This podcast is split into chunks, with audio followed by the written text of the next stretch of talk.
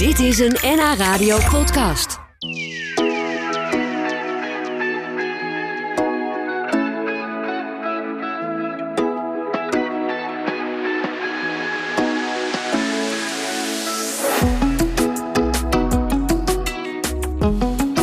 Het Allard Pierson in Amsterdam bewaart allemaal belangrijke verzamelingen van boeken, oude kaarten, grafisch werk, maar ook archeologische vondsten zoals vazen en beelden en bekers. En soms dan is niet helemaal duidelijk waar die spullen precies vandaan komen. Daarom gaat het museum alles wat ze hebben op arche- archeologisch gebied onderzoeken en vastleggen in een lange lijst. En dat is een monsterklus waarvoor ze vier jaar hebben uitgetrokken. En eh, nou, dat wordt heel veel werk. En dat allemaal om te voorkomen dat de politie weer op de stoep staat. Zoals een tijdje geleden gebeurde. Stijn is vandaag dus even bij ons. Welkom. Fijn dat je er bent. Dankjewel. W- wa- wat was dat, dat de politie bij jullie op de stoep stond?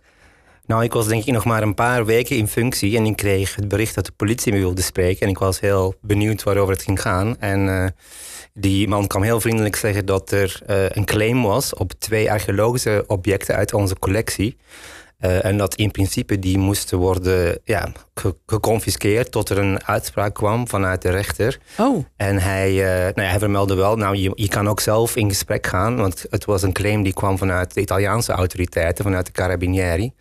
En dat de leek me- Carabinieri is de, de, de Italiaanse politie, hè? Italiaanse Ja. politie, inderdaad. En eh, dat leek me inderdaad veel beter dan, dan die, de, de echte recht, de rechtbank in te duiken.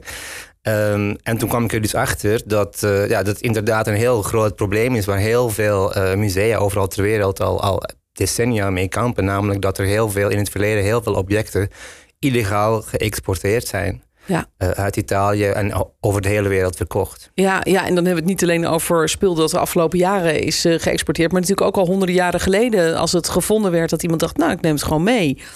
Ja, Eh, ja inderdaad. En, en daar, daar zijn al, al, al ja, sinds 1970 zijn er bepaalde richtlijnen over, internationale richtlijnen. Eh, maar het is een heel ingewikkeld juridisch kluwen. Ja, nu gaan jullie dus eh, onderzoeken wat jullie eigenlijk allemaal hebben. Dat weet je misschien al wel voor een deel, maar waar dat allemaal ooit vandaan is gekomen. Mag ik dat inderdaad een monsterklus noemen? Dat lijkt mij namelijk. Het is een enorme, enorme klus. Ehm, je, je zei het terecht, we moeten eigenlijk de herkomst van al onze collecties onderzoeken. En nou, dat zou er in totaal een 2 miljoental zijn. Eh, nu gaan we beginnen met de archeologische objecten. Dat zijn er 20.000. Dat Ja. zijn ook al enorm veel. Zeker als je weet dat je, ja, als je moet achterhalen waar een object vandaan komt, dan ben je zo een paar dagen mee kwijt. Dus ga, ga maar uitrekenen. Ja, als het al mogelijk is. Met hoeveel mensen gaan jullie dit doen? Dat doe je niet alleen, denk ik. We kunnen nu beginnen, eh, dankzij, dankzij extra middelen die we van de universiteit hebben gekregen, met twee extra mensen. Maar we hebben ook drie conservatoren, die gaan ook een deel van hun tijd daaraan spenderen. Eh, en natuurlijk ook een heleboel ondersteunend werk van mensen die al die objecten moeten verplaatsen. En een fotograaf die alle foto's moet maken van, van de objecten. Ja, en, en iemand die ze allemaal weer, weer opbergt ook netjes. Absoluut, veilig opbergen. In doosjes ergens in een kast. Eh, maar eigenlijk gaat de hele organisatie ermee aan de slag. Ja. Ehm, en voor wie er nog nooit is geweest, kun je vertellen wat voor een bijzondere plek dat is, het Allard Pierson? Ik denk dat veel mensen die in Amsterdam komen er wel eens langsgelopen zijn. Het zit natuurlijk aan het Rokin. Ja, helemaal. Het ligt pal in het centrum van de stad, eh, aan de oude turfmarkt. Eh, het is een heel langgerekte gevel eh, van 17e eeuwse panden, waarin vroeger de bijzondere collecties zaten. En daarnaast ligt het vroegere gebouw van de Nederlandse Bank. En die combinatie van gebouwen, dat is nu het Allard Pierson. En daar worden alle erfgoedcollecties van de Universiteit van Amsterdam bewaard. Maar we willen ze ook delen met onderzoekers, studenten en het publiek. Dus er zijn ook regelmatig tentoonstellingen. En zoals nu hebben we een hele mooie tentoonstelling over de geschiedenis van de cartografie. Oh ja, dat zag ik, ja. Ja. Ja. leuk. En jullie hebben tentoonstelling gehad eh, met werk van Peter van Straten, Annie M. G. Schmid. Is, is, is dat werk wat ook bij jullie dan in die collectie zit? Ja, absoluut. We bewaren ook de collecties van het Theaterinstituut Nederland, hè, waar de collecties van Annie M. Schmid ook deel van uitmaken. Maar we hebben ook bijvoorbeeld van belangrijke illustratoren of striptekenaars heel belangrijke collecties, zoals het werk van Peter van Straten. Ah ja. Ja, dat is dus veel meer dan alleen archeologie. En, en je zei net, de Nederlandse Bank heeft daar ook gezeten. Zie je daar nog iets van terug in het gebouw? Ja, helemaal. Dus het ademt nog helemaal die statige sfeer met heel veel marmer en, en, en lange, lange gangen, grote deuren, et cetera. Eh, en de bank, de bank heeft daar tot de jaren 70 gezeten en daarna is het museum erin gekomen. Oh, wat grappig. En, en het heet Allard Pierson. Vroeger heette het het Allard Pierson Museum. Maar ja, jullie doen natuurlijk ook heel veel collectiebeheer. Dus dan uh, is dat misschien niet meer toepasselijk. Maar het is ook een museum. Maar wie was Allard Pierson eigenlijk, vroeg ik mij af. Ja, Allard Pierson was uh, een 19e-eeuwse uh, academicus en hij was de eerste professor kunstgeschiedenis aan de UvA. En hij doseerde onder meer archeologische vakken. Uh, en de naam van het museum komt, het is dus niet de collectie wat veel mensen denken van Allard Pierson zelf. Het zijn zijn kinderen die een stichting hebben opge opgericht. En met het geld van die stichting is de eerste archeologische collectie aangekocht in de jaren 30. En vandaar de naam Allard Pierson Museum. Ja, en het begon dus met heel veel archeologische objecten. Uh, en, en juist die gaan jullie nu eventjes uh, onder het licht houden eigenlijk. Naar aanleiding van het bezoek van de politie. Want de, die hadden opdracht gekeken, gekregen vanuit de Italiaanse politie... om bij jullie wat spulletjes in beslag te komen nemen. Um, spullen waarvan de herkomst, nou op zijn zachtst gezegd, niet duidelijk was. En Italië zei dat is van ons, wij willen het terug. hoe was dat voor jou als als, hoofd van de collectie om, om opeens de politie binnen te krijgen? Ja, dat is toch wel even schrikken. Ja. Uh, en ik dacht ook van, dit is volgens mij niet de manier waarop we dit moeten doen. We moeten hier niet zitten wachten tot als de politie nog iets langskomt of in Italië nog een paar objecten gevonden zijn. We moeten zelfs ons eigen werk gaan doen en dus proactief gaan zijn en die hele collectie zelf gaan onderzoeken en de resultaten daarvan delen, onder meer ook met de Italiaanse autoriteiten. Ja. Dus in plaats van in het oude systeem een beetje dingetjes weg te stoppen en te hopen dat niemand het vindt, uh, willen, we, ja. willen we net zeggen van kijk, dit is wat, dit wij, wat wij weten. Uh, tot zover wij kunnen komen. En, en, en als, als, ding, als objecten bekend zijn als uh, ja, gestolen objecten, dan moeten we daarover in gesprek wat ermee moet gebeuren. Ja, en die objecten waar het nu om ging, uh, wat was dat voor spul? En, en komen jullie daaruit? Was dat inderdaad gestolen? Ja, dus de Italiaanse politie is al nou ja, een paar decennia bezig met een aantal grote zaken. Dat zijn uh, de grootste uh, zwendelzaken in gestolen archeologische objecten tot nu toe bekend. Er is ook een heel interessant boek over geschreven, The Medici Conspiracy. Al, uh, ik raad het iedereen aan om te lezen. Klinkt heel spannend. Ja, het is een, een conspiracy is een samenzwering. Ja, precies. Maar, ja. Um, het gaat dus over um, ja, Italiaanse kunsthandelaars die via Zwitserland, hè, waar dus minder controle was, uh, uh, um, allerlei illegaal opgegraven objecten verhandelde over de, over de hele wereld. In welke periode was dat? Um, Wanneer speelt nou, dat ongeveer? Vanaf de jaren 70, denk ik. Uh, maar de, de mensen zijn, denk ik, in het, in het vizier van de politie gekomen ja, iets na het jaar 2000. Ah, ja. En dan zijn er tussen 2000 en 2010 heel veel zaken rond geweest.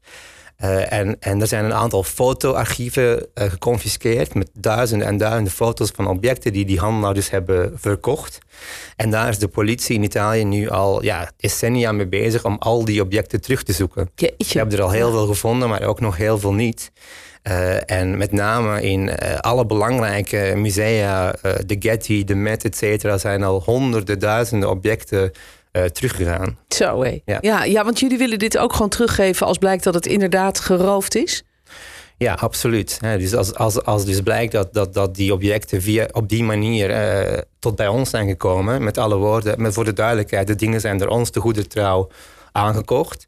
Um, maar ja, dus jullie hebben gewoon een bonnetje bij wijze van ja, spreken absoluut. en uh, zijn ervan uitgegaan dat het allemaal nou ja, goed op orde was. Ja, ja, maar dus um, um, nou ja, nu, nu is het duidelijk, als duidelijk wordt dat er bepaalde objecten via die weg uh, uh, het land zijn, tot bij ons zijn gekomen, dan willen we die natuurlijk uh, teruggeven, maar we willen eigenlijk ook veel meer doen dan dat. We willen ja. ook echt die samenwerking gaan aangaan met Italië om dat onderwerp, onderzoek ook samen te doen.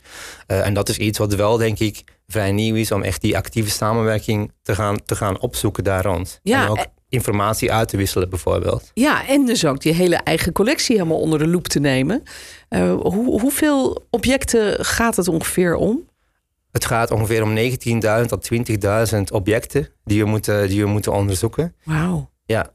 En dat is best veel. Heel veel. um, en natuurlijk, uh, sommigen zijn in groep binnengekomen, dus dat gaat iets makkelijker. Maar voor, voor sommigen ja, hebben we echt heel weinig informatie. Dus dat wordt echt zoeken. Ja. Uh, maar ook wel heel interessant, omdat Ja. je op die manier eh, een object eigenlijk een tweede leven kan geven. En Ja. je vertelt dan op dat moment het verhaal van het object vanaf het moment dat het terug bovengronds is gekomen en wat er dan allemaal mee gebeurd is. En jullie gaan misschien ook nog wel hele bijzondere objecten ontdekken die jullie een beetje vergeten waren. Dat kan natuurlijk ook dat het ergens in een depot ligt en dat je denkt, oh, wauw, dit hebben wij ook nog. Dat Ja. is natuurlijk ook het leuke ervan. Zeker. Nou, we gaan, eh, ja, we gaan er zo nog meer over horen. Dan eh, praat ik nog even verder met eh, Stijn van Rossum van het Allard Pierson in Amsterdam. Vier jaar hebben ze ervoor uitgetrokken om al die 19.000 objecten te onderzoeken. En eh, ja, ook de herkomst ervan te onderzoeken en ze allemaal te beschrijven. En dan weer netjes op te bergen of terug te geven ja, aan, de, aan het land waar ze vandaan zijn gekomen. Maar hoe lastig is dat? Want ik stel me zo voor dat er ook dingen zitten. Een muntje van, eh, ik weet niet, duizend jaar oud. Ja, hoe, daar zit geen kaartje bij hoe dat ooit eh, bij je is gekomen. Want het museum bestaat al heel lang. Nee, absoluut. Het is enorm moeilijk. En, en van, we weten nu al dat we van de meest van de objecten niet heel ver gaan kunnen teruggaan. Nee. Ehm, en dat zelfs informatie die soms verschaft is, bijvoorbeeld door handelaars, dat die misschien ook verkeerd kan zijn. Ja, ja. Dus, maar, maar, Als die informatie er al is, stel ik me is. voor. Maar, maar hier denken we dus, nou ja, transparantie is het belangrijkste. Wij gaan doen wat wij kunnen vinden. We gaan die lijsten openbaar maken en dan delen met anderen. En misschien dat anderen nog verder terug kunnen gaan. Of op Ah, basis van eh, eh, ehm, fotovergelijking eh, dingen wel kunnen matchen. We zijn onder andere in gesprek met een onderzoeker die wil via artificial intelligence beeldbanken van musea laten matchen met die bekende archieven van die malafide handelaars. En dan zou je Oh. dus, als het werkt, heel snel kunnen proberen objecten te matchen. Dus ook kijk, dan schiet het dat opeens soort van op. dingen Ja, zou het inderdaad kunnen opschieten. Of Ja. zouden we makkelijker dingen kunnen vinden. maar als jullie zelf de match niet kunnen vinden... en stel eh, je vindt een oude kelk of een beker... daar zit geen kaartje bij van... nou, dat is toen en toen in onze collectie gekomen... en geko- verkocht door die en die. Eh, dan zou het nog kunnen, als jullie het online zetten... in een, in een soort grote lijst... dat mensen in Italië kunnen kijken van... hé, hey, maar dat lijkt precies op de beker die wij hier hebben... eh, Ja. uit die en die collectie. Dus misschien is hij wel van ons. Ja, helemaal. En we willen... Maar, maar dan is het wel lastig om te bewijzen natuurlijk. Want misschien hebben jullie hem wel te goeder trouw gekregen. Ja, nee, het is, het is altijd lastig. En daarom is het dus belangrijk om in, in overleg te gaan. Veel beter dan dat via de rechtbank te proberen te regelen. Omdat ook de wetgevingen in de landen vaak helemaal verschillend zijn. Iets kan strafbaar zijn in Italië, maar niet in Nederland. En, en wat doe je dan? Ik denk dat onderhandeling altijd veel beter is. Eh, en we willen ook veel meer doen dan puur die herkomst gewoon eh, opschrijven. We willen daar ook, ook die verhalen gaan vertellen, ook in het museum. Omdat het vaak heel interessante verhalen zijn die... Eh, waarvan we ook wel vaak horen dat mensen er ook enorm geïnteresseerd zijn. Van hoe is dat nu net verlopen? Sommige mensen denken van oh, het is allemaal gestolen. Andere mensen zeggen van nee, je moet nooit iets teruggeven. Eh, maar het ligt vaak heel ingewikkeld. En, Ja. ook, en ook die ingewikkeldheid, die nuance, willen we ook in de opstellingen van, van het museum ook duidelijk maken. En daar mensen ook mee in gesprek laten gaan. Ja, dat is juist eigenlijk ook onderdeel van, van die objecten. Dat maakt hun geschiedenis compleet, als het ware. Ja, helemaal. Zoals ik zei, dat is het tweede leven van objecten. En, en, en eh, eh, ja, het is heel interessant om daarin te duiken. En, Ja. en, en Z- vaak moeten we toegeven dat we het ook helemaal niet weten. Nee, en dan? Nou, dan, dan, dan, dan, dat is ook een, een voorlopig eindpunt. Hè, om Ja. te zeggen van, kijk, dit is wat we weten. Eh, en misschien weten we binnenkort meer. Maar Ja. tot nu toe is dit wat we kunnen weten. Ja, totdat ergens iemand in Italië zegt van... hé, hey, maar dat muntje, zulke hebben wij hier ook liggen. Dus die, die horen bij deze collectie. Dat zou kunnen. Ja, Ja, maar straks hou je misschien niks meer over. Heb je daar ook over nagedacht? Nee, dat gaat zeker niet gebeuren. Daar zijn mensen ook altijd bang voor. Eh, een deel van de samenwerking met Italië gaat er bijvoorbeeld over dat eh, als we objecten teruggeven, dat we dan andere objecten in bruikleen uit Italië mogen, mogen, mogen in ons museum tonen voor een bepaalde tijd. En ik denk ook dat dat veel meer de weg voorwaarts is. Kijk, Italië heeft enorm veel spullen al, die vaak in depots liggen. Eh, Ik vind dat wij als musea waar ze ook zijn in de wereld, gezamenlijk de taak hebben om te zorgen voor dat erfgoed en dat het er minder toe doet welk museum een object per definitie gekocht heeft en met Ja. het kopen van het object vaak illegale handel steunt. Mhm. Dus het is veel beter om samen dat erfgoed uit te wisselen en te tonen in samenspraak. Ja, Eerder dan dat je iets koopt en dan misschien tien jaar later blijkt, oh, je moet het teruggeven, want er is iets mis mee. ja, ja, ja, dat is misschien een andere manier... wordt dat van verzamelen en van collecties beheren. Ja. Niet allemaal zelf willen hebben, maar gewoon zeggen... kom, we, we kijken of we iets in bruikleen kunnen krijgen. Dan kunnen mensen ervan genieten en dan gaat het weer terug. Ja, dat is iets waar wij echt in geloven. Ja, en nu gaan jullie vier jaar lang jullie hele eigen archeologische collectie uh, inventariseren. Um, uh, dat is een, een enorme klus. Gebeurt dat allemaal achter de schermen eigenlijk? Of, of krijgen bezoekers van het museum daar ook nog wat van mee? En gaan jullie daarmee in gesprek om uit te leggen wat jullie eigenlijk allemaal aan het doen zijn? Zeker, dat willen we heel graag doen. We denken aan een grote tentoonstelling binnen een aantal jaar, maar op korte termijn denken we ook aan een aantal van die objecten die misschien teruggaan, om die in de picture te zetten en heel langzaamaan een beetje afscheid proberen te nemen van die objecten, door ook die verhalen te vertellen wat er eigenlijk met gebeurd is. Op het moment hebben we een mini-tentoonstelling over één heel bijzondere vaas. Die komt uit Sicilië. En daar hebben studenten museumstudies van de UvA een hele mooie mini-tentoonstelling rondgemaakt over het verhaal van dat ene object. En ook nadenken over de vraag: hoe neem je afscheid van een object? Hè? Want ja, die kan het gewoon. Want die gaat misschien terug. Die gaat waarschijnlijk terug binnen een aantal jaar. Ja. ja. ja. Zijn, is er veel, denk je? Ik kan het niet zo goed inschatten. Uh, ik denk, het is geen, ja, ik weet het niet. Nee. Dat gaan we moeten zien. Ja, het worden een spannende paar jaar, denk ik, voor jullie. Ook om te kijken wat je misschien zelf nog voor schatten uit het depot haalt. Die, die een beetje vergeten waren van die 19.000 kan er opeens iets tussen zitten dat je denkt, dit is een topstuk. En het is ook nog gewoon legaal verkregen. Dat zou natuurlijk ook nog kunnen. Daar komt vast uiteindelijk een mooie tentoonstelling over, denk ik. Maar dat is pas over een paar jaar. Dus uh, voor nu wens ik je gewoon heel veel succes, Stijn. En uh, ja, we, we, we, komen wel een keertje kijken daar in, uh, in het museum in het Allard Pierson in Amsterdam. Iedereen is heel erg welkom. Dit was een NH Radio podcast. Voor meer, ga naar nhradio.nl NH Radio